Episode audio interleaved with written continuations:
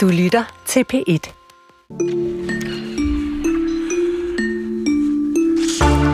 Channel One, det er navnet på en ægte og virkelig nyhedskanal, hvor alle værter og journalister er skabt af AI. Det er ren science fiction, for de ligner altså virkelig godt rigtige mennesker, som de toner frem på skærmen, og indslagene de er også kreeret af AI. Det er der, vi begynder.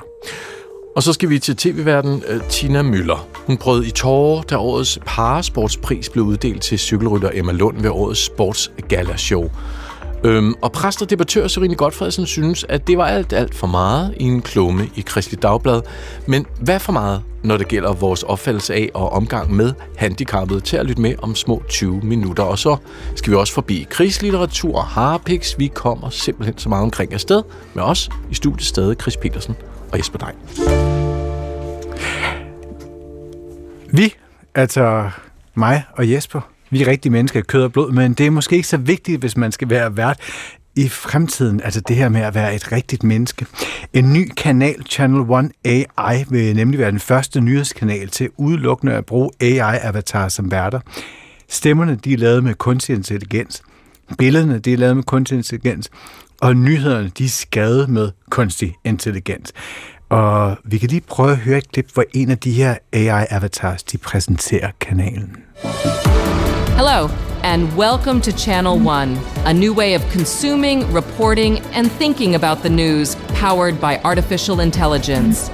Today, you'll witness AI generated stories and headlines, captivating visuals, and data driven insights. From global news to finance to entertainment, we'll show you how technology... Ja, hun taler, og hun taler, og du, nu er du radio, så du kan ikke rigtig se hende, men hvis du så hende, så ville du tænke, det er bare en, en, en kvindelig nyhedsvært, der står og fortæller. Jeg var ved at besvime. Jamen, sammen, jamen, du er meget... Jeg var ved at falde om. Du er sindssygt bange for det der AI. Det skal du ikke være. Jamen, det er- det skal nok gå alt sammen.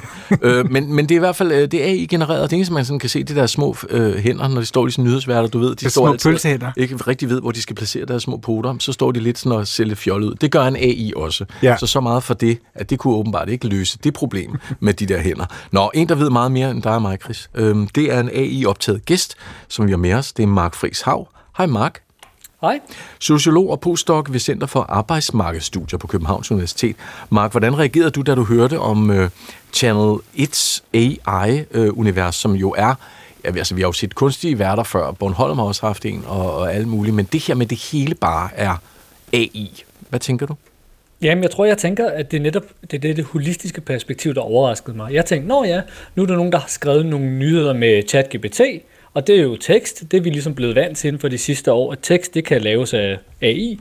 Øh, og så øh, er der en rigtig, et rigtigt menneske, der, der fortæller, læser den her tekst op. Jeg tænkte, nå det er jo et naturligt skridt. Jeg blev meget overrasket over, at stemmen jo ikke er klonet fra en person, og det er billedet heller ikke. Så det vil sige, det er ikke eksisterende stemmer og ikke eksisterende personer.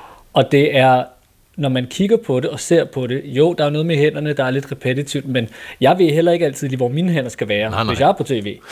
Så det er ikke noget, man umiddelbart lige tænker, at det her er en AI. Og, og jeg kan sige, det her det er så den spæde start. Hvordan ser det ud om to år? Det kan være, at vi ikke kan se forskel. Hej. Så kulturet, der gik øh, 2023, som Chris var med i, det kan Chris godt begynde at se. Det forsvinder. Grunden forsvinder under hans små fødder, fordi så kommer der en øh, digital kris og overtager. Jamen altså, det er jo noget af det, som øh, øh, den store øh, skuespillerstrække i Hollywood, der, der var her øh, tidligere på året, det handlede jo netop om, at, at nogle skuespillere at skulle AI-scannes, og så kunne man begynde at lave film med dem, øh, for eksempel øh, efter de var gået bort, eller øh, de ikke har sagt ja til osv. Så man kan sige, at det her med at kunne eje sin egen digitale avatar bliver jo vigtigt. Men Ja. jeg synes, det er også vigtigt at pointere, at de her værter jo ikke eksisterer. At det- de ikke er lavet over nogle personer. Det er det, der er så spændende. Det havde jeg faktisk... Altså, det, det er, min hjerne eksploderer endnu en gang lige nu kl. 15.07 herinde i studiet. Mark, øh, hvilket potentiale er der i den her sådan, Channel One's AI-satsning, synes du? Altså, jeg ser flere ting i det nu. Jeg er jo ikke medieforsker. Jeg forsker mere i, hvad skal man sige, AI og arbejde. Mm-hmm. For mig er det interessant, at det her jo på en side demokratiserer medier, kan man sige. Fordi øh, nu kan hele DR, det kan så være en person, der sidder nede i en kælder og får AI til at lave både lydside og billedside og tekstside. Vi kunne forestille os, at der var måske noget Reuters, der, øh, der, sendte, der sendte et helt korte øh, notiser notitser ud, og så var der bare en AI, der der kørte. Og den kan, det her Channel 1, det kan jo ikke køre på alle sprog, så den kan bare simultant oversætte fra øh, malaj til fransk til engelsk fuldstændig, øh, fuldstændig øh, øh, uden problemer. Og det gør jo lige pludselig, at alle i teorien vil kunne lave en nyhedskanal. Og det vil sige, for mig, øh, som særligt studerer, hvad skal man sige, øh, politisk brug af de her digitale værktøjer, så kunne vi jo forestille os, at politiske partier måske gerne vil have en øh, kanal. De havde jo i gamle dage deres egne aviser. Hvorfor skulle de ikke have en tv-kanal? Hvorfor skulle fagforeninger ikke have en tv-kanal? Hvorfor skulle mellemfolkelige, mellemfoldige samvirke ikke også have en tv-kanal? Nu kan alle jo bare få en. Og det er jo interessant hvis man så kigger ind i fremtiden der, altså sådan en større, altså måske i virkeligheden øh, mulighederne for et, et mere fragmenteret, et fragmenteret mediebillede, hvad vil det betyde i forhold til sådan noget som samledskraft? Jamen det er jo det, at på den ene side kan noget være demokratiserende, men det kan så også være fragmenterende eller atomiseret. Altså før han havde vi DR, der var en kanal. Jeg er født i 88. Jeg tror, øh, TV2 kom til øh, måske lige efter da. Så sad vi alle sammen så en kanal. Alle så Matador, det, det var der. Og det giver jo selvfølgelig en eller anden form for kollektiv øh, kontekst og, og ramme. Man kan sige, når man møder på arbejde, så dagen efter, så ved man, at alle har set det samme.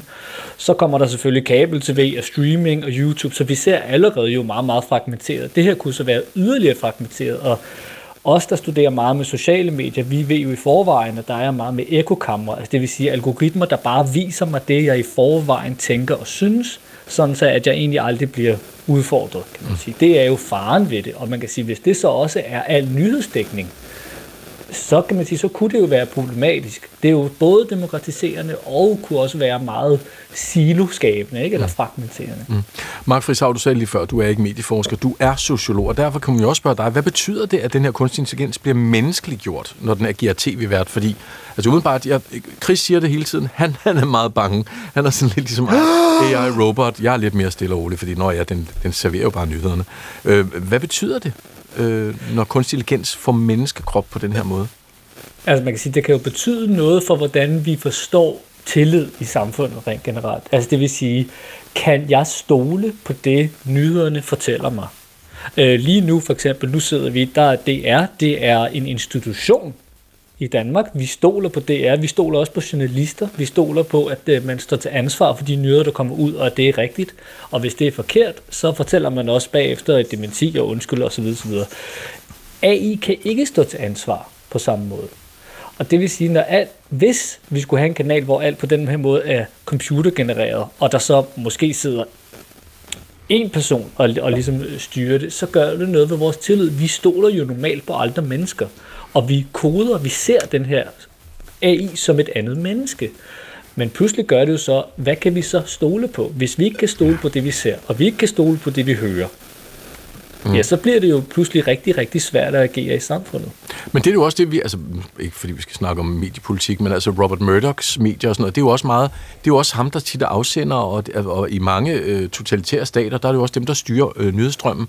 Så, så det, vi er jo vant til ligesom at kunne, vi er jo vant til at decifrere, hvad der er hvad, når vi ser nyheder, er vi ikke det?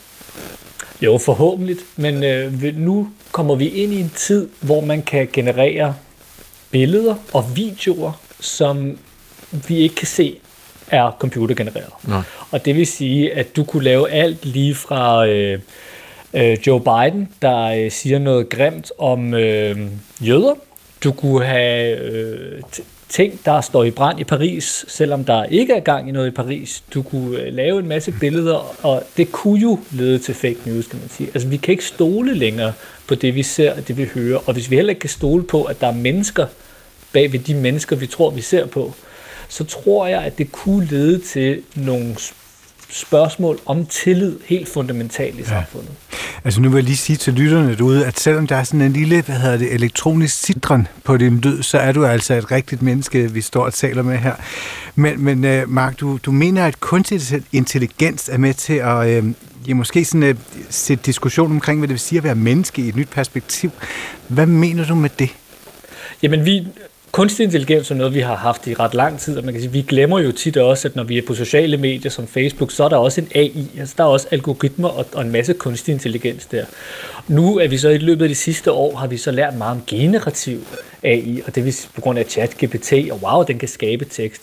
Og det er klart, mine kollegaer, som er computerforskere, de siger jo, nej, det her er ikke rigtig kunstig intelligens. Det er ikke, det er ikke intelligens. Det er simpelthen bare ligesom en øh, papegøje, det går via sandsynlighedsregning.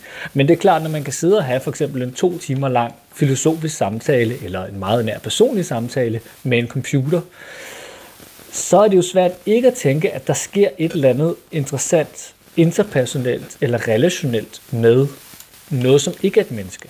Og hvis vi også ser det, at der er begyndt at komme mere, for eksempel AI-terapeuter, så er det jo klart, at det stiller nogle spørgsmål til, hvad det overhovedet vil sige at være menneske, og at er det kun os, der kan lave kunst, øh, når nu vi har billedgenererings AI for eksempel, er det kun os, der kan skrive digte, er det kun os, der kan give nyheder, uden at de bliver fake news, som vi siger, ikke nødvendigvis. Vi har jo stadigvæk en masse problemer med nyhedsdækning i dag, så hvorfor skulle AI ikke også kunne hjælpe med det? Men det stiller nogle spørgsmål om, hvad skal vi så lave? Ja. Jeg får angst. Jesper, han har ingenting. Jeg føler allerede, at jeg lever i Black Mirror nu. Jeg vil se, hvem der får ret om 10 Ja. år, Chris, ikke? Tak til dig, Mark Friis Hav, sociolog og postdoc ved Center for Arbejdsmarkedsstudier på Københavns Universitet. Og Channel One's AI-kanal, den regner med at starte op i løbet af 2024, så ja, jeg venter i spænding. Vi skal ind i fjernsynet. Emma Lund blev simpelthen så glad, og det forstår man jo godt, da hun i lørdags fik en pris ved DR's sportsshow. Hun vandt guld øh, sidste år ved verdensmesterskabet i landevejscykling, og publikum gav hende stående applaus, da hun fik prisen i showet, og en af tv-værterne blev især ekstremt påvirket. Prøv at lytte her. Jamen, vi bliver bare lige nødt til at nyde det her øjeblik lige nu. Der er stående applaus for Emma Lund. Det er... Og det er så velfortjent. Ja, wow. Nå. Uha. Ja, den er ikke helt nem at komme Nej, efter. Det må vi simpelthen bare lige være ærlige og sige. Men for parsporten skal vi nu til at hylde der, hvor det hele begynder. Ja, det Er du kunne, Ja. Ej, undskyld. Det kunne være på banerne, det kunne for eksempel også være i hallerne. Åh, jeg bliver så pokkers rørt, undskyld. Ja, Øhm, det er der og, ikke noget at sige til. Eh, altså. Ja. Stort tillykke, Emma. Ja, sådan, Og sådan lød det det kunne altså. altså også godt være... Emma Lund øh, fik altså prisen, og her var det Tina Møller, der var meget overvældet. Og så citerer jeg nu lige fra en klumme i Kristeligt Dagblad for nylig. Mens den ene været bogstaveligt talt ikke kunne holde tårerne tilbage, hurtigt stjal hun det meste af billedet, og kommenterede selv fra scenen, hvor svært hun havde ved at holde op med at græde. Det skrev sovnepræst og debattør Sørine Godfredsen i Kristi Dagblad ud forleden under overskriften Behersk jeres tårerne af især mennesker med handicap. For Emma Lund, hun har cerebral parese og en medfødt hjerneskade, og så må du til tasterne, Sørine. Ja. Velkommen. Tak skal du have. Der er vel ikke noget i vejen med at blive rørt i glæden over et andet menneskes triumf? Ikke når du formulerer det på den måde, nej. Det er der ikke. Det sker tit. Det, der er problemet her, det er jo, at, at øh, den person, hun bliver rørt over, er et menneske med handicap, og at hun dermed jo bliver synligt meget, meget rørt. Meget mere, end hun vil være blevet med et andet menneske. Og at der er en stemning i hallen af øh, overdreven medfølelse og indlevelse, næsten som hvis det havde været et lille barn, der havde præsteret et eller andet. Bare den måde, hun siger når på. Det er sådan, ja. man siger, hvis et lille barn mm. øh, har tegnet en flot tegning. Der er altså et eller andet i den nedladende, i bedste mening, det ved jeg godt, men nedladende øh, måde at øh, se handicappede mennesker på, og i overdreven grad øh, hylde dem som nogen, der kræver særlig indlevelse og medfølelse og begejstring for at komme igennem livet. Mm. Og Sorine, du skriver, at der måske er et gedult sammensat syn på de mennesker, der ellers i vores tid skal opfattes som fuldstændig ligesom alle andre. Kan du sætte nogle flere ord på det? Ja, for det første har vi jo den her øh, moderne forestilling om, at der ikke længere findes noget, der er normalt. Det vil sige, at man må jo ikke fremhæve nogen, der skiller sig ud. Alle er normale, fordi de er unikke mm. selv. Det er sådan meget menneskesynet er nu om dagen. Og når der så kommer en, der faktisk skiller sig ud, så kan vi jo slet ikke leve op til den her præmis om, at alle dybest set er lige normale, og så falder folk jo igennem. Og det, jeg mener med, at der er det her en gedulke sammensathed, det er, at man kan både reagere meget indlevet og begejstret, fordi man simpelthen bare glæder sig, som du var inde på før, over, at et andet menneske lykkes, og i det her tilfælde i en eller anden grad på trods af, nogen, af noget modstand. Mm. Men der er altså også den mulighed, at vores overvældende reaktion på den slags mennesker kan grunde i, at man godt ved med sig selv, at jeg dybest set ikke beskæftiger mig nok med det her til daglig. Så det er sådan en slags aflad, at når der så er en, der træder frem og funkler og, for, og udretter noget, så, så øser man al sin sympati over på det menneske, for at dulme sin egen samvittighed i forhold til alle de dage i året, hvor man ikke skænker mindre privilegerede mennesker ret mange tanker. Mm, interessant. Og det synes du altså var det, der skete præcis i den her situation? Pointen er, at det kan man ikke vide. Og det, det er faktisk det, der er min pointe i kommentaren. Jeg kan ikke gå ind i de menneskers hjerne og vide, hvorfor de overdriver deres begejstring så meget for den her atlet. Men man kan heller ikke vide det måske inde i sig selv, når man selv reagerer kraftigt på den måde, og gerne sådan vil virkelig skabe sympati og god stemning i lokalet, og vise, hvor meget man glæder sig på det her menneskes vegne, kan man heller ikke altid vide med sig selv, om det er fordi, at man bare er glad, eller fordi jeg også render rundt med en skyldighed over mm. ikke at gå op i nok, i nok op i den slags til daglig. Og derfor siger jeg, for en sikkerheds skyld, og i dannelsens navn osv., behærsk dig. Lad ja. være med at stå og græd hæmningsløs, og det har jeg altså argumenteret for før. Og jeg ved godt, det er imod tidens ånd, for vi skal bare vise vores følelser. Det er bare sådan, at når mennesker viser deres følelser uhemmet, så bliver det tvetydigt. Ja, og det, øh, det, det, det plantede sig også ud i salen, kunne man se. Ikke? Alle gik jo nærmest amok. Øh, ja. præsenterer vores, øh, vi har en gæst ud over dig, Sorine. Det er Olivia Dahl, der er phd studerende i sociologi på Københavns Universitet. Hej Olivia, velkommen til. Hej så.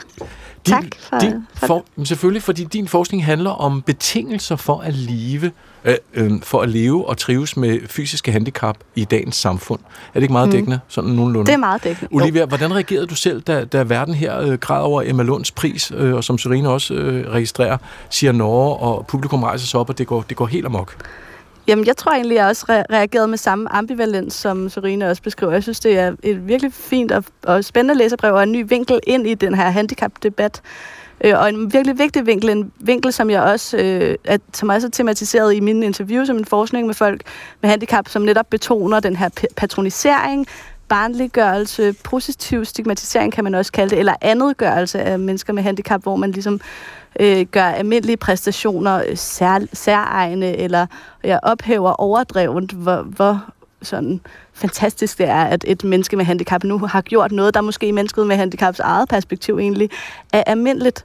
Samtidig er det jo netop en ambivalens, hvor der også er en, øh, noget smukt i at fejre et andet menneske, og fejre mennesker med handicap. Der er sket rigtig, rigtig meget på det sidste øh, på handicapområdet, hvor der er nogen, der er trådt frem og fået lov til at fortælle deres historier på nogle andre måder. Så som Serena også er inde på, så kan det være svært at sige, hvorfor er det egentlig, at den her sal øh, hylder og bryder ud og gråder og alt det her. Men traditionelt set er det jo netop, fordi man ser en lille smule ned på mennesker med handicap øh, og, og deres præstationer, og på den måde også vil fors- forsøge at ja, gennem sådan forskellige mikro, mikrointeraktionelle øh, udtryk og, og, øh, og skabe lighed, eller i hvert fald, og, men samtidig også på skabe en distance og skabe en andethed mellem mennesket med og uden handicap. Så det er også at lave lige præcis også mærke til det der lille når, som, øh, som Serena også forvarede. Serena, vil du sige noget? Øh, ja, det vil jeg gerne. Olivia, øh, øh, ved man, det gør du selvfølgelig, du ved en, sikkert en del om, hvordan det handicappede menneske selv oplever sådan en situation. Jamen, det er netop med ambivalens, ikke? Altså, fordi det er jo helt rigtigt, at det at have et handicap, det er jo ofte et resultat af øh, ulykke, eller af, af enormt meget genoptræning, eller af at, at, at skulle overkomme et eller andet på et eller andet tidspunkt i livet. Øhm, så, så den der hyldest er jo også i et eller andet omfang noget, som der er velfortjent i mange sammenhænge. Men samtidig så det at leve med et handicap er jo også bare et vilkår og en helt almindelig måde i virkeligheden at være menneske på. Mm. Vil jeg sige, det er noget, vi støder på. For de fleste af os, jeg har selv en hjerneskred fra, fra da jeg var helt bitte lille, og lever med det. Øhm, så, så det der med også, at det bliver gjort til noget særligt og noget exceptionelt, og noget sådan øhm, nærmest overmenneskeligt en gang imellem, det er problematisk. Og der synes jeg, det er, det er pointe om, at man skal beherske sig rigtig fint. Altså jeg mener ikke, at, man skal, at vi skal fjerne følelser, fordi at følelser er også noget af det, der kan være med til at give os indblik i øh, menneskers sociale position i et samfund. Det kalder vi Øh, Øh, sociology of emotions, altså hvad er det følelser siger om, hvad for en position mennesker har, og hvordan er følelser også med til at reproducere menneskers position i et samfund. Så det er jo også afslørende på en eller anden måde, det gør, så vi kan have de her debatter, hvilket jeg er glad for. Øhm, og så vil jeg også godt øhm, sige, i mine interviews, så synes jeg også, det er vigtigt at påpege, øhm, hvad med alle dem, der ikke opnår noget særligt. Altså det er noget af det, som der er et par interviewpersoner, der betoner, sådan, hvad med mig, der har svært ved at tage en HF, eller som ikke kan få mit hjælpemiddel, sådan, så jeg bare kan komme ud af døren. Ikke? Så som du også er inde på, Serine, de her betingelser for at leve med handicap i dagens samfund, øh, er rigtig, rigtig svære for nogen Øhm, så når vi hylder dem, der har klaret det, altså dem, der også bliver kaldt øh, supercrips, eller dem, som der rejser sig fra kørestolen og gør noget, man ikke havde forventet. Hvad så med alle dem, der i et eller andet omfang er ladt tilbage, og dem, der i virkeligheden lever i ekstrem social udsathed, som, som handicap også er årsag til, på grund af det handicapgørende øh, samfund, vi også har. Øhm, så, så det synes jeg også er et vigtigt perspektiv ind i det her. Det er virkelig en vigtig øh, dimension, du bringer ind der, fordi noget af det, som jeg tror også øh, rørte sig i mig, og det er egentlig først nu, at jeg sætter ord på det, det er, at de handicappede er en minoritet i vores samfund, som nyder meget lidt opmærksomhed. Der er mange andre minoriteter, som har, har, har fået stor opmærksomhed i de senere år, og som fylder meget. Men mennesker med handicap er relativt usynlige i debatten, og, og det er også derfor, jeg tror, det lidt har en tråd ind i den der tanke, jeg har om, at vi nogle gange lever med en skyldfølelse i tanken om handicappede mennesker, fordi vi ikke har dem nært på vores eget liv i til daglig, og fordi at der er nogle handicaps, der også gør os virkelig stive af skræk. Og det er også en del af, tror jeg, forklaringen på, at der kommer den her overforløsende reaktion, fordi at det handicappede menneske sætter så mange følelser i gang i os. Jamen, og det jeg synes, det er en virkelig god pointe, og også noget, jeg selv plejer at frem, fremhæve. Altså, hvorfor er handicap som minoritet så svært i forhold til alle mulige andre minoriteter, der har haft lange øh, kampe for anerkendelse, og som vi ligesom har, har, har set og hørt, og øhm, øh, øh, hvor, at, hvor at min tolkning er også, at handicap er jo, vedrører jo i virkeligheden os alle sammen. Altså, vi har alle sammen potentialet for i morgen om et minut øh, og, og tilhører den her minoritet, og vi kommer alle sammen til det ja. på et eller andet tidspunkt, om det er på grund af graviditet eller alderdom. Så, så handicap på en eller anden måde er en minoritet, vi allerede er en del af, men som vi måske ikke vedkender os, så vi holder den også ud i strækt arm ved på en eller anden måde at overdrevet hylde øh, præstationerne af dem, der overkommer handicap. Som vi kan se her, det er jo heller ikke folk, der ikke kan noget, der bliver fejret her.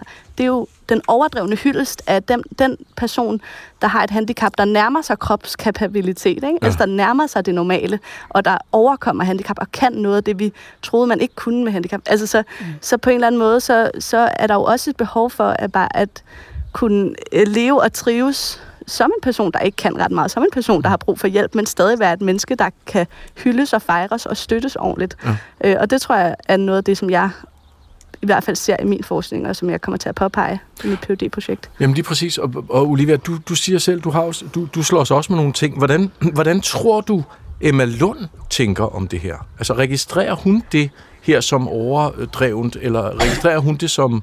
Hvordan tror du, hun registrerer det?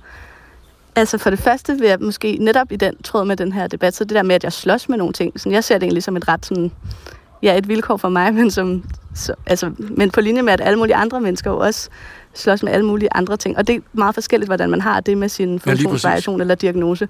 Øhm, og jeg tror, at, at ja, jeg, jeg har kun, nu følger jeg selv personligt Emma på Instagram, og har fulgt hendes vej, og kender hende også en lille smule øh, sådan personligt. Og jeg, jeg tænker egentlig bare, at det også er dejligt at mærke opbakning, og mærke, at der er nogen, der, der, øh, der, der støtter en i det, man gør. Øh, jeg tror i virkeligheden, når jeg taler med mine informanter, også at det nogle gange kan være lidt svært at se selv, når det er, at man er udsat for patronisering eller en lille bitte smule nedladende adfærd, fordi det er bare en del af af, af nogens liv. Altså, det er simpelthen en måde, man måske er vokset op på.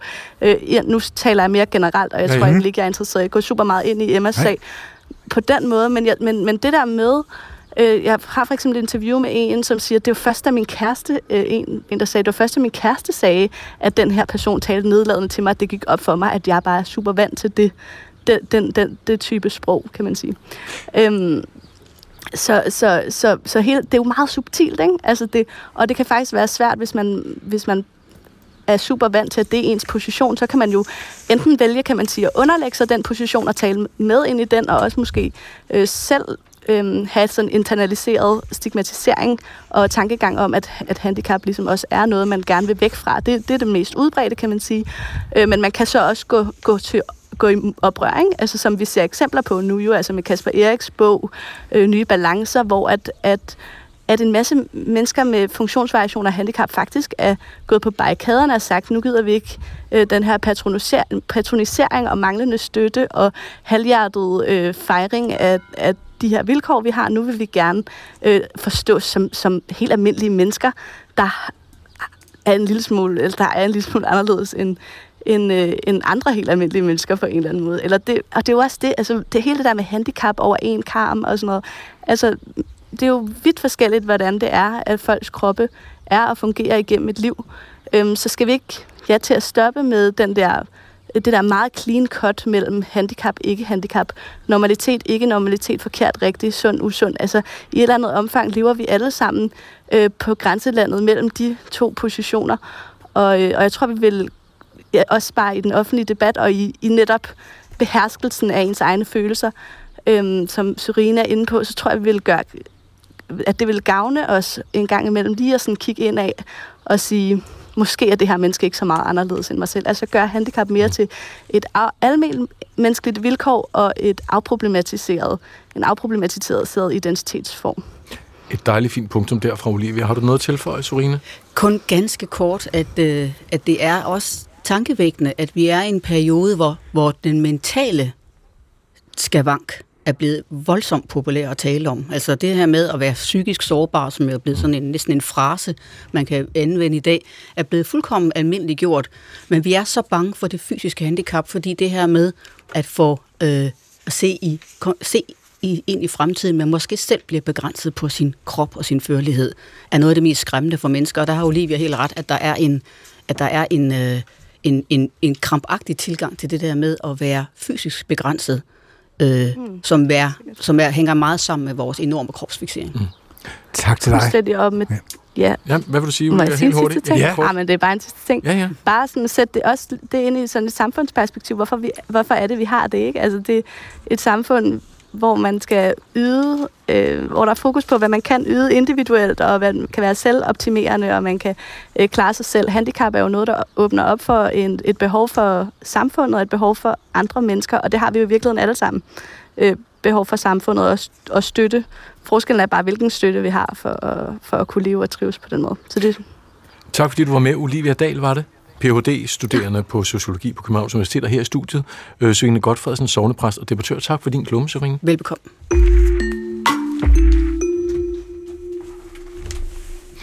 Europaparlamentsvalget nærmer sig med hastige skridt, og valget foregår jo altså hver femte år, og det kommer til at foregå i år fra den 6. til den 9. juni, der hvor du er ved at varme op til sommer for alvor. Og hvis øh, det skal blive en succes, så er der brug for, at alle EU-borgere går til stemmeurnerne. Også de unge, der skal stemme til Europaparlamentsvalget for allerførste gang. Så lyder ambitionen for EU-kommissær Marit Chinas, og for det, der skal kunne ske, så har han bedt en helt særlig person om hjælp, nemlig hende her. So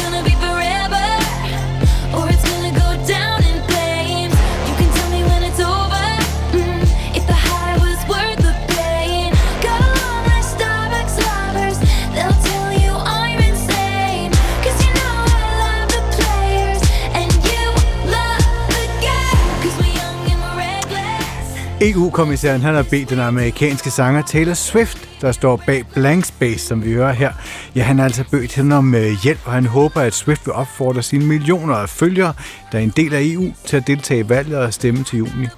Han udtalte for nylig til en pressekonference, at der ikke er nogen, der bedre kan mobilisere de unge, end de unge mennesker selv.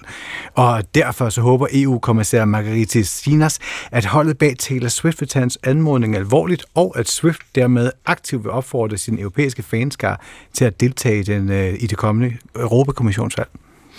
Og hvis det sker, så ville det faktisk ikke være første gang, at Swiften hun bruger sin position og magt i politisk øjemed. I Sidste år der opfordrede hun nemlig sin mere end, på at hold fast, 279 millioner følgere på Instagram til at registrere sig til det kommende amerikanske valg. Og i de efterfølgende timer, der kunne man rent faktisk måle, øh, det gjorde i hvert fald det amerikanske non-profit organisation Vote.org, de kunne måle mere end 35.000 nye registreringer, som jo altså skete sandsynligvis, må man gå ud fra, øh, på grund af Taylor Swifts opfordring. Derudover så viste Taylor Swift også sin politiske side tilbage i 2020, hvor hun udgav sangen Only the Young. Og det er en sang, der diskuterer emner som skoleskyderi og spekulationer om Donald Trumps stemmemanipulation. Lad os høre en bid her.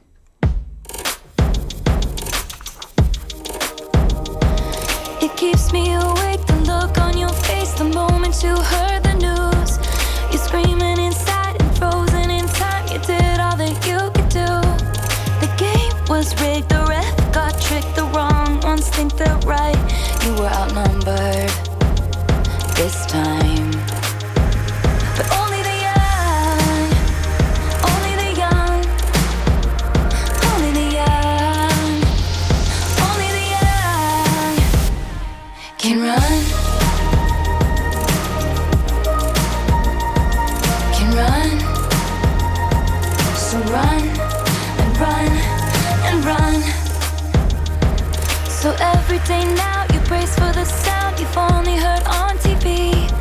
You go to class scared, wondering where the best hiding spot would be. And the big bad man and his big bad clan, their hands are stained with red. Oh, how quickly they forget. They aren't gonna help us. Too busy helping themselves. They aren't gonna change this.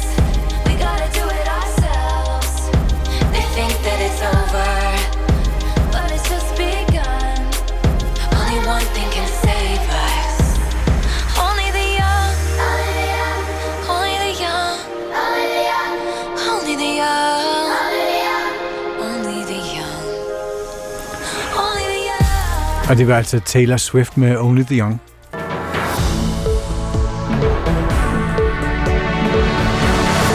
Det er en historisk dag. Omkring klokken 4 i morgesdagens tid indledte den russiske præsident Vladimir Putin en invasion af Ukraine med en tv-tale.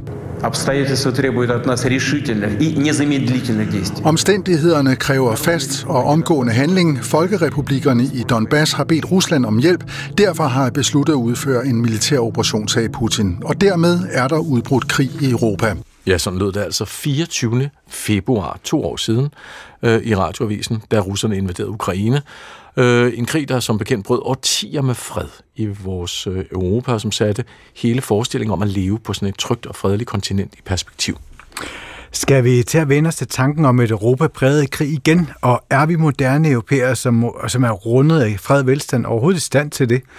Hvordan kan vi i det hele taget forstå krig, når vi ikke har haft den tæt på? Ja, det kan litteraturen faktisk hjælpe os med. Især krigslitteratur, for er der noget europæisk litteraturhistorie rig på, så er det faktisk erfaringer fra krige, især fra 1. og 2. verdenskrig. Og ved at læse de her bøger, så kan vi blive klogere på, hvad det er for en situation, vi står i nu som europæere.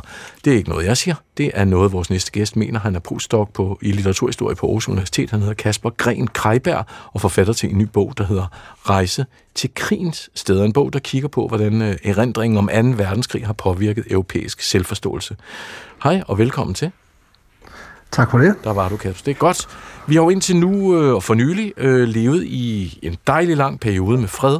Øh, hvis man fraregner borgerkrigen på Balkan selvfølgelig, så har der ikke været sådan en rigtig krig, som vi oplever nu i Europa siden 2. verdenskrig. Hvad kan man bruge krigslitteraturen til, sådan som du ser det? Jamen, den kan man bruge til, til mange ting i virkeligheden.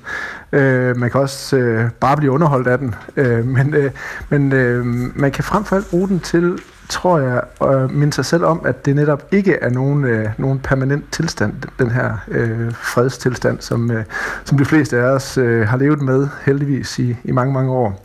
Og det er ikke sådan, at, øh, at vi skal blive alarmeret øh, ved at læse øh, litteraturen. Det, det handler snarere om, at øh, det er en, en meget kvalificeret påmindelse, sådan på, på mange niveauer, øh, om hvad, hvad det vil sige øh, at, at være øh, engageret i en krig. Det kan være som soldat, det kan også bare være som, som civilist, at man bliver ramt på forskellige måder. Det kan også være at leve med, med arne øh, og, og følgerne af en krig øh, i mange, mange år, sådan som, som mange generationer har gjort øh, rundt omkring i Europa, og som der er skrevet rigtig, rigtig meget om. Så, så, så, så på, mange, på mange niveauer kan vi, kan vi bruge øh, litteraturen til noget. Der er også øh, en, en øh, interessant ting ved rigtig meget krigslitteratur, som er, at øh, den tematiserer, hvor svært det faktisk er at fortælle om, om de her øh, erfaringer, som folk gør sig øh, i krig. Øh, så og så selve, selve det at, at, at fortælle om det og, sætte ord på, bliver ofte også et tema i, øh, i krigslitteraturen. Hvorfor gør det det? Fordi det er en, øh, altså, det er for, for mange en grænseoverskridende erfaring, der bryder med de, øh, øh, det, det, vi er vant til.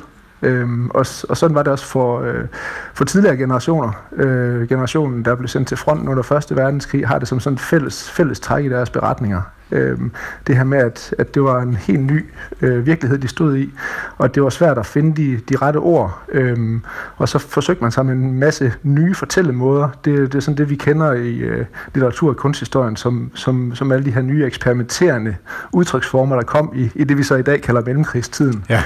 Øhm, ja. Hvorfor er det interessant at, at læse litteratur om krig, i stedet for at studere slag- og krigshistorie? Øh, sådan det, det, det enkle svar er nok, at det, øh, det giver et, man sige, et lidt, på en måde lidt bredere perspektiv.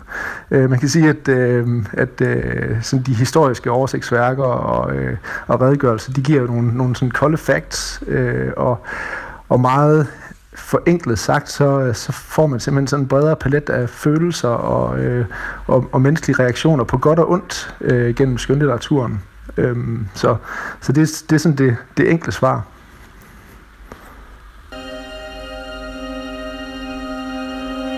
Ja.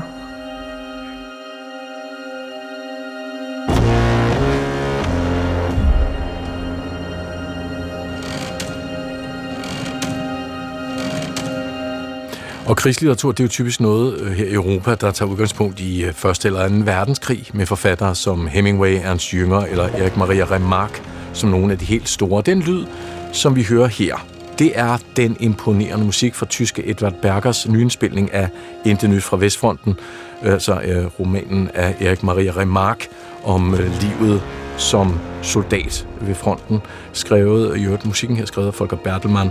Øh, hvad, hvad tænker du, øh, Kasper Gren Kreiberg, hvad tænker du sådan en historie her, som øh, Erik Maria Remarque skriver om den tyske unge, tyske soldat, Første verdenskrig, 17 år gammel, fuld af håb og drømme, 17-årig Paul kan lære os?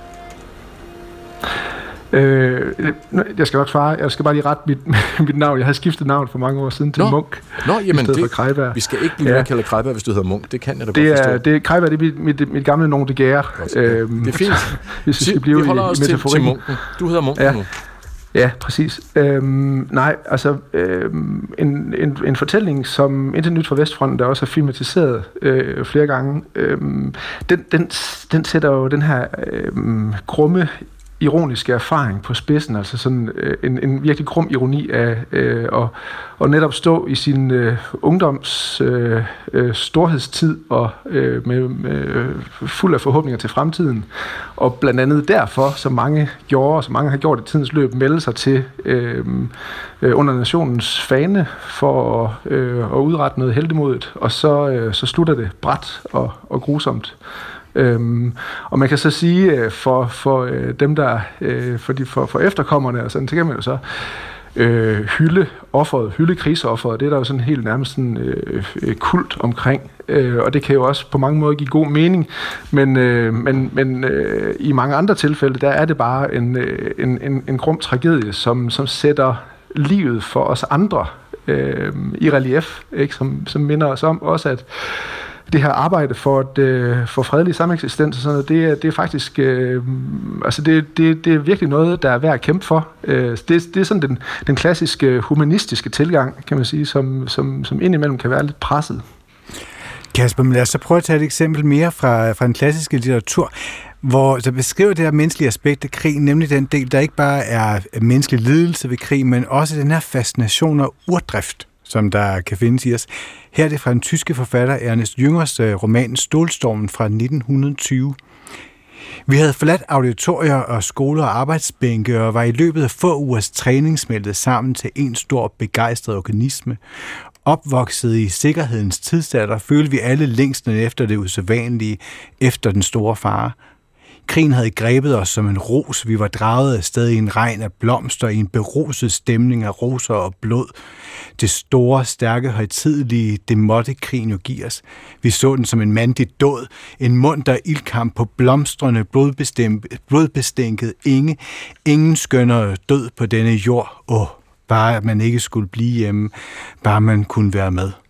Så lyder det altså i Stålstorm med Ernst Jünger, øhm, som jo blev udgivet på dansk øh, for nylig faktisk, et få år siden den kom på dansk. Han var jo selv, han kæmpede i, i flere omgange i krigen her, så alle hans oplevelser, de er jo næsten analoge med det, der opleves i dag, for eksempel i krigen Ukraine og Rusland. Hvad, hvad, hvordan kan det gøre os klogere på i, på i dag og krig og kaos? Øhm, ja, det ved jeg, det ved jeg heller ikke rigtigt om det. Øh, Altså det, det, det er jo på et, øh, kan man sige, det er på, på et andet niveau end, end den konkrete krig, hvis vi taler sådan lidt militær taktik og, og, og strategi og den slags, så, så er det jo en, anden, en helt anden situation, øh, vi står i i dag. Det skal man også huske på. Men der er alligevel sådan en, en, en genkommende måde at tale om krig på, som, øh, som jo nok peger på, at, øh, at der er nogle erfaringer, der, der overskrider tid og rum. Øhm, og det er jo blandt andet den her erfaring, som, øh, som Ernst Jünger sætter ord på, er at føle sig sådan i, i dødens nærhed, og netop ikke føle sig truet eller øhm, sådan udsat, øh, men, men faktisk opløftet og, øh, og, og nærmest sådan beruset. Altså hans, hans beskrivelse der, den er også, øh, den, den er sådan set grum nok, men han, han forsøger så alligevel at sætte det hele i et heroisk skær, mm. og det er også derfor, den, den, øh, den roman, den stikker sådan lidt ud i, øh, i, i litteraturhistorien, fordi der i moderne tid i hvert fald er, er en sådan overvægt af, af mere tragiske skildringer. Mm. Øhm, hvorimod Jøngers beskrivelse, der, den, den er sådan, kan man sige, mere... Øh, mere solidarisk med de mange, mange soldater, der har oplevet det som meget meningsfuldt, og som nærmest øh, øh, meningen med deres liv, og, ja. at deltage i, øh, i, i en krig. Og, det øh, og derfor har han også fået en stor popularitet. Altså det skal siges, at i, i hans samtid, og også i, i, øh, i forbindelse med rigtig mange andre krige, er der kommet et væld af, af lignende beretninger, som også, øh, som også lægger væk på det her med, at, at, at stålstormen ikke kun ødelægger folk, det er også sådan, øh, noget, der opleves som hærdende. Øh, mm og det, der gør, gør, gør drenge til mænd, og sådan, altså, det er lidt en kliché, ikke? Men, men, øh, og det er, jo ikke, det er jo ikke, fordi det er sjovt, men, øh, men det er alligevel øh, det er sådan en, en genkommende fortælling, øh, som, som er virksom stadigvæk, og som, som, øh, som øh, giver mening også for folk i dag. Men Kasper, når man, når man har læst Stol, i Stolstormen, så får man jo også indblik i de frygtelige ja, både opfindelser af våben og brutalitet, der foregår. Så man kan vel også se det som sådan en antikrigsroman, i hvert fald i forhold til, hvis man gerne vil undgå smerten. Ja, det er der faktisk også mange, der har gjort. Altså en, sådan en, en omstændighed omkring de her to, øh, to øh, bøger, I, I har fremhævet her, øh, som er lidt interessant, det er, at Remark lod sig faktisk øh, inspirere rigtig meget af Jønger, altså da han skrev øh, Internyt fra Vestfronten. Jønger var ligesom først ude med i Stålstormen, og Jønger havde flere års krigserfaring end Remark selv. Han, øh, så, så der var mange sådan beskrivelser af krigens landskab. Remark havde kun et par måneder i virkeligheden. Den, så hvad siger du? Jeg siger, Remark havde kun et par måneders krigserfaring. Ja, lige præcis, lige præcis. Og han, øh, så han, han, han gjorde simpelthen sin krigsskildring, kan man sige, mere, mere realistisk ved at, øh, at lægge sig op af, af, af Jøngers og os andres øh, beretninger.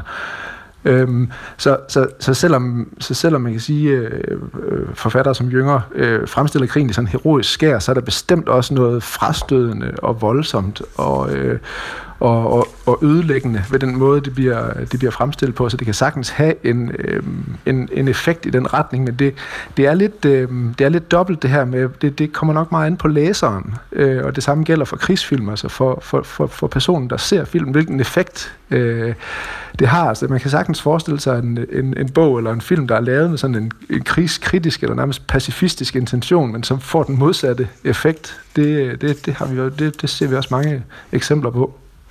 Hvis man så kigger op til, altså mod, mod nutiden, altså nu de her to tekster, vi taler om, det er jo altså, det, det er krig, der ligger bag os. Og indtil så for to år siden, der, der virkede nærmest utænkeligt, der skulle være krig i Europa. Har der været skrevet krigslitteratur i Danmark i nyere tid? Ja, altså der er jo, der er en, del, der er en del forsøg på øh, sådan skønlitterære skildringer af øh, de, øh, de krige, der, der udspillede sig fjernt fra Danmark, men med dansk deltagelse, altså i, øh, Afghanistan og Irak øh, for nogle år siden nu efterhånden. Men, øh, men der er både skrevet romaner og digte. Øhm, og, og man kan sige, på, Øh, på, på et tidspunkt der for en øh, 8, 10, 12 år siden, der var det, der var det egentlig sådan et større tema i, øh, i dansk litteratur, og har også været det i andre landes øh, samtidslitteratur. Øh, det her med, hvordan øh, de her øh, soldater og soldatererfaringer fra, fra, fra fjerne krige, som, som vi øh, i vores lande var engageret i, hvordan, hvilken, hvilken betydning kunne det have. Øh, men det er ikke sådan min fornemmelse er ikke, at det har sat sig sådan større spor, ligesom de, de store øh, verdenskrige har gjort, altså hvor det har haft betydning for, for i det hele taget måden at skrive øh, litteratur og, og lave kunst på. Øh, der, har det, der har det snarere været et, et, et tema, øh, der er blevet taget op øh, i, i forskellige former. Øhm, så, så, så det findes bestemt, øh, og der findes jo også rigtig meget historisk øh, øh, altså historiske romaner og den slags øh, erindringsromaner stadigvæk, som, som tager øh, ældre krige under behandling og gør det sådan i, i, i, på en måde, så, så, så det bliver relateret til nutidige konflikter. Så det, så det er bestemt ikke et, øh, et tema, der er forsvundet, selvom, øh, selvom øh, forfatterne øh, lever i, i, i fredelige tider. Men nu er fristiden så over, tror du, hvis du kigger ind i sådan øh, krystalkuglen, krigen i Ukraine, vil det, vil det føre til en ny krigslitteratur?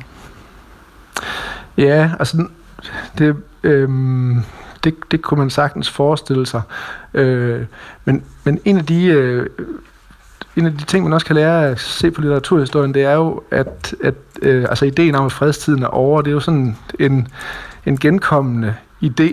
Øh, i, øh, I 90'erne havde vi jo krigene på, på Balkan øh, mm i forbindelse med Jugoslaviens øh, sammenbrud. Og der, der, der blev også skrevet en del, og bliver stadigvæk skrevet, altså også af øh, efterkommer folk, der, der blev ramt og fordrevet. Øh, altså vi har jo også i, i Vesteuropa en del øh, med, med, med rødder på, øh, på Balkan, som skriver om det i dag øh, og, og skriver om de konsekvenser. Så, så, så på den måde kan man sige, at øh, og det, det tror jeg, det, det, det, det tror jeg, der er på en måde kun vil blive forstærket af den bevidsthed, der er, også gennem, øh, gennem øh, den, den, øh, man sige, den plads, som, som krigene får i medierne. Øh, så, så vil det helt klart øh, komme til at spille en rolle øh, fremover også. Tak fordi du var med, Kasper Gren Munk, postdoc, ja, litteraturhistorie ved Aarhus Universitet, og altså forfatter til bogen Rejse til krigens steder. Den udkom i uh, december måned, øh, og er derude helt aktuelt lige nu. EM i herrehåndbold, det startede i går, og i aften kl. 20.30, der skal Danmark spille sin første kamp mod Tjekkiet. Det betyder, at vi går ind i en tid, hvor man stort set hver dag kan se håndboldspillere i fjernsynet løbe rundt på banen og kaste den her lille klistrede bold frem og tilbage. Håndbolden i sig selv, den er omkring 58 cm i omkreds, og så vejer den lidt under et halvt kilo. Og selvom vi må formode, at de her håndboldspillere generelt har et, ja, et godt greb med bolden, måske nogle store hænder, så får de altså gerne lidt hjælp til at kunne have ekstra godt øh, tag i den her bold. Og den lille hjælp hedder jo harpiks. Og harpiks har også haft andre egenskaber og funktioner gennem tiden, når der ligger en lang kulturhistorie bag det her klistrede materiale, som øh, mange kender fra håndboldhallen. Og derfor øh, kigger vi nu tilbage på en af de første produkter, som harpiksen blev brugt til. Øh, vi kommer til at slutte der, hvor vi øh, bedst kender harpiksen, men vi begynder med et produkt, som de færreste nok forbinder med harpiks. Prøv at høre. Vi kender det fra de hylder i supermarkedet, der er helt op ved betalingskassen, og vi kender det som de mørke klatter, der ligger overalt på fortorvet. Lidt afhængig af, hvor billigt tykkegummiet har været, lader det til, at man kan tykke på det i en uendelighed, eller i hvert fald til ens kæber bliver godt møre. Og det forsvinder heller ikke igen af sig selv, hvis man først er blevet træt af at tykke og spytter det ud på gaden igen. Nu om dagen skyldes tykkegummiets lange levetid gerne en form for latex, men tidligere var tykkegummiet lavet af et andet levestærkt materiale, nemlig harpex. Arkeologer har fundet harpex med tandmærker overalt i verden. Vores svenske forfædre tykkede på det, de gamle grækere og majerne tykkede på det, og de indfødte amerikanere tykkede på det. It's good, hard, crystallized stuff. Right. I en af de uendelige mange afkroge på YouTube finder man en instruktionsvideo i at lave tykkegummi. Vel at mærke, det lavet af harpex, ligesom i de gamle dage. That's En amerikansk mand har tændt ild i en kuglegrill, og i grillen står en gryde med en si fuld af harpex plukket fra nåletræer. That'll eventually all start dripping. Det er måske lidt tilfældigt, at manden er amerikaner, men det var faktisk de tidligste bosættere i Amerika, som først begyndte ligefrem at producere tykkegummi. Og opskriften fik de af indianerne. See these? Alright, there you go. I videoen er harpixen blevet en tyk flydende masse, som man hælder op i et par forme lavet af staniol. Opskriften er rimelig simpel, for ren harpix er den eneste ingrediens. You can't get absolutely all of it, so that's just the way it goes.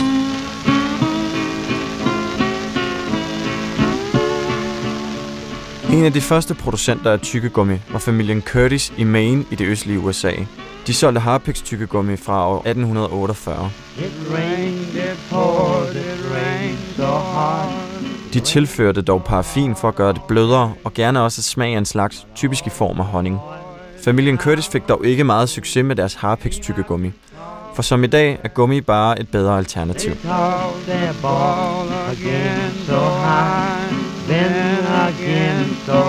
I 1869 bosatte den tidligere meksikanske general Antonio Lopez da Santa Anna sig i New Jersey. General Antonio Lopez var mest berømt for at have tabt den texanske revolution. Han havde ikke haft held med at føre krig, men han havde haft held med at slæbe et ton af den gummiagtige saft fra sapodilla-træet med sig. Og han havde også held med at sælge det til opfinderen Thomas Adams. And get your ball again. I won't come in, I shan't come in without my playmates all. Efter en del eksperimentering fandt Thomas Adams ud af, at hans nyerhvervede gummisubstans tilsat lidt lakridsmag gjorde sig fremragende som tykkegummi. Tykkegummiet ved navn Blackjack var blevet opfundet og blev siden solgt landet over, og det kan faktisk stadig købes flere steder i verden. Der fandtes dog ikke sapodillatræer nok til, at man kunne følge med på efterspørgelsen af tykkegummi, hvilket også førte til, at tykkegummi, ligesom i dag, kom til at bestå af en gummibase.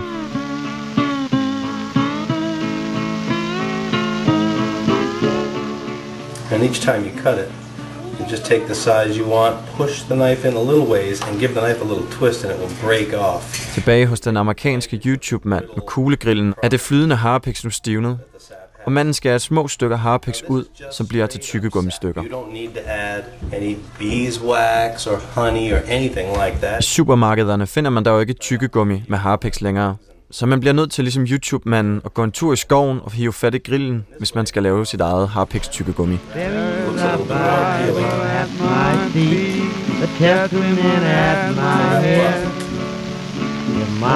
There's father should call for me, tell him that I am dead.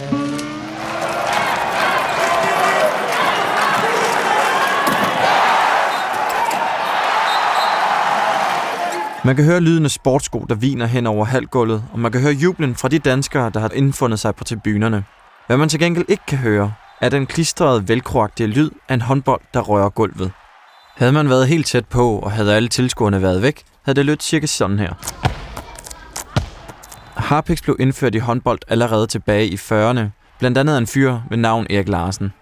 I løbet af 50 år fik man dog øjnene op for, at Harpix godt nok gavnede håndboldspillet, men altså sled en hel del på halvgulvet rundt omkring i landet.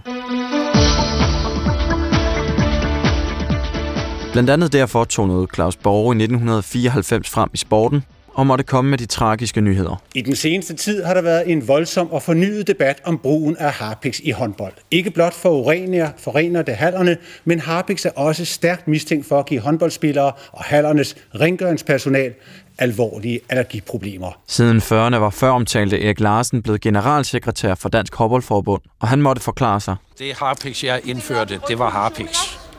Øh, Der er jo sket en udvikling på området, og Harpix, det er som egentlig et meget fredeligt øh, naturprodukt. Men øh, alle de opløsningsmidler, man benytter for at få Harpixen placeret og deponeret på den rigtige måde, det drømte jeg ikke om. Men som Claus Borg også havde været inde på, handlede det ikke kun om de rengøringsmidler, man brugte til at fjerne harpiks. Det viser nemlig, at flere også har fået allergi af at bruge harpiksen, Blandt andet den tidligere håndboldspiller Gitte Elmand. Det startede så som sådan nogle små blære, der kløede og så betændte ud, og senere blev det så til åbne sprækker og sår. Og øh, jeg kom så til en hudspecialist, og han konstaterede så, at det var stoffet kolofonium, som er i harpix, som jeg var allergisk overfor. Det var dog ikke kun det, at man kunne få allergi af at bruge harpix, som blev gjort til et problem. For pludselig meldte badmintonspillerne sig også på banen. Det forreste korsbånd er delvis overrevet. Der er en tredjedel tilbage, som er for strakt og ikke funktionsdygtig. Og så er det indvendige sædeledbånd øh, også revet over. Tror du, du blev skadet, fordi at du var i for dårlig kondition, eller fordi du var, hvad skal man sige, motionist? Nej, altså jeg var ikke i dårlig form. Jeg løbetrænede, og jeg spillede badminton 6-8 timer om ugen. Så det er ikke på grund af formen. Hvad skyldes din skade så? Jeg har piks på gulvet. Fra håndboldkamp.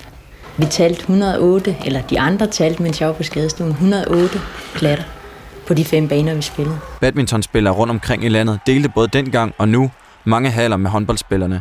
Og håndboldspillernes klæbrige harpikspletter på gulvet blev en torn i øjet på badmintonforbundet. Jeg mener, det er et stort problem for badminton, men altså i det hele taget for al indendørs idræt. Badminton er så måske nok specielt på den måde, at vi har de hurtige bevægelser, de hyppige skift. Og derfor skal vi have gjort noget øh, ved det. Og øh, om ikke andet, så øh, må vi jo prøve at påvirke håndbolden til at, at få en politik, der, der hindrer det her, hvis det ikke kan lade sig gøre anden vis. En fyr ved navn Henrik Lund sad derhjemme og så, hvordan Harpex gav alle de her problemer, og det gav ham en god idé. Jeg var industrilaborant. Jeg gik på sådan en laboratorium hver dag. Ja, så vidt jeg husker, lånte jeg en vægt deroppe fra. Så en vægt, og så i gang hjemme i køkkenet. Og det blev hurtigt øh, kaos. Så lavede jeg nogle eksperimenter, eller hvad hedder det, nogle blandinger. Så gik jeg over til Vium Sovnfri Håndboldklub og øh, ligesom afprøvede det på nogle rigtige håndboldspillere. Jeg vidste ikke en skid om håndbold. Til gengæld vidste han, hvordan man lavede Harpex, som hverken gav allergi, og som nemt kunne fjernes fra halvgulvet igen. Vi startede ved tyggegummi og sluttede der, hvor de fleste kender harpiksen, nemlig fra håndboldens verden. Og det var Rasmus Friis, som stod bag det her indslag. Nu går der jo, øh, ja, der går dronning og konge i den her i weekenden, øh, Ja. Chris. Og øh, monarker har jo de her valgsprog. Ikke? 500 år gammel tradition, øh, at man har det her. Det er den måde, øh, monarken udtrykker værdier, som vedkommende ønsker øh, skal præge landet. Jeg kan da så fortælle dig, skal jeg lige læse op her, fra 1448, Christian 1., der var det dyden viser vejen. der, det, måske, det holder ikke i 2024. Nej. Hvad, har du en af dine øh, på listen her? Nå, men jeg tænker bare, at dronning Margrethes Guds hjælp, folkets kærlighed og Danmarks styrke, og, og det var jo et, hun, øh, hun valgte, fordi hun var så ung, da hun tiltrådte som dronning. Mm. Og hun har faktisk sagt flere gange, at det var en måde ligesom at, at rette sig op på, lige stramme sig an, at hun, øh, hun havde brug for alt, hvad den kunne trække. Lige præcis. Og der er meget Gud i alt det her. Og spørgsmålet er, om øh, ja, det finder vi jo så ud af på søndag. Ja. Gør vi ikke det? Det er, vi står, kan vide, om han siger det. Det gør han vel.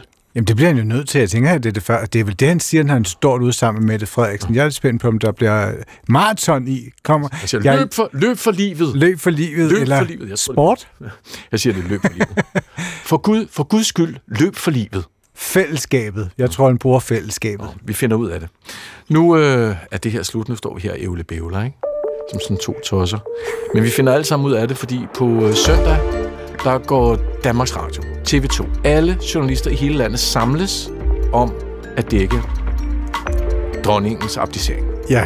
Det kan du godt regne med. Jamen, det gør de. Altså, det er jo helt tydeligt. Det, det er allerede startet nu. I min lokale biograf bliver det vist direkte fra DR's dækning. Det er rigtigt, der er gratis adgang. Man kan komme og drikke bobler. Nå, Chris Petersen, tak for i dag. I lige måde Jesper Dein. Og ude i studiet var producer, producer Thomas Holmby Hansen. Og øh, ja, det var en sidste udgave af Kulturen. Der er 4. division i morgen. Kan I have det godt?